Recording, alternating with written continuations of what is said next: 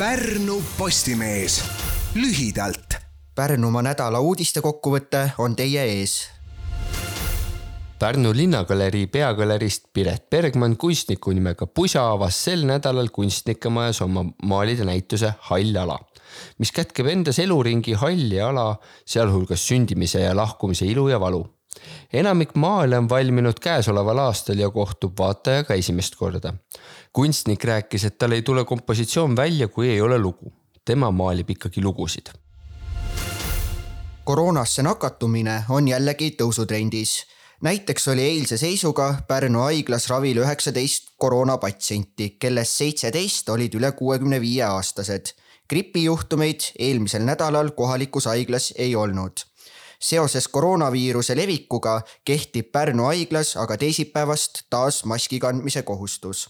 tõsiasja, et koroonaviirusega nakatumine on tõusuteel, kinnitas hiljuti ka Terviseameti Lääne regiooni juht Kadri Juhkam, kelle sõnul on huvi ennast koroonaviiruse vastu vaktsineerida siiski madal sellest nädalast pakub Lääneranna vallas paarikümne kilomeetri kaugusel Lihulast Oidramaa külas bussiootajatele varju uus ja uhke ootekoda.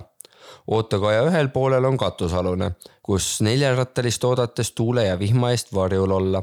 teisel pool asub jalgrattahoidla. peale selle on siseruumis puidust pingid ja laud kogu kupatuse kroonijuveeliks kristalllühter, mis bussiootekoja valgustina on kahtlemata erandlik nähtus ootekoda läks Lääneranna vallavalitsusele maksma ligemale kakskümmend tuhat eurot vaevu kuu aega toiminud süsteem, kus toiduabi vajaja saab valmis pakkide asemel toidukaardiga ise Rimi kauplustest meelepäraseid tooteid valida, rõõmustab, aga valmistab ka pahameelt.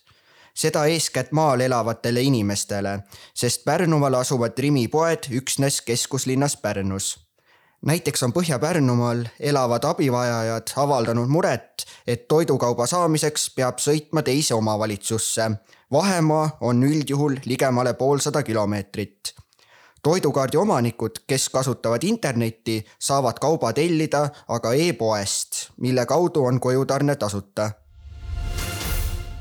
midagi loomasõpradele harvad pole juhtumid, kui mõni kutsu või kiisu on töntsakas või paksuvõitu aga nii uskumatult, kui see ka ei kõla, võib ülekaal tabada ka sulelisi. just nii juhtus viirpapagoi Watsoniga, kes mõni kuu tagasi kaalus suisa kaheksakümmend kaks grammi.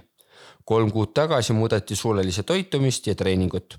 kaal on kadunud lausa imeväel kuna ilm on läinud külmemaks ning väljas valitsevad miinuskraadid, valmistutakse jõulumäel kunstlund tootma ja Pärnu suisuväljakut avama Pärnu spordikeskuse juhi Maidu Lahe kinnitusel on lastestaadioni jahutusseadmetega uisuväljak plaanis külastajatele avada nädalavahetusel. võrreldes eelmise aastaga on aga pileti hind veidi tõusnud. näiteks tuleb uisuväljakule pääsemiseks täiskasvanutel senise nelja euro asemel maksta viis ja lastel kolme euro asemel kolm viiskümmend. pikemalt saate lugusid lugeda Pärnu Postimehe veebist uudistenädala võtsid kokku ajakirjanikud Kristo Niglas ja Karl Hütt. Kuulmiseni. Pärnu Postimees lühidalt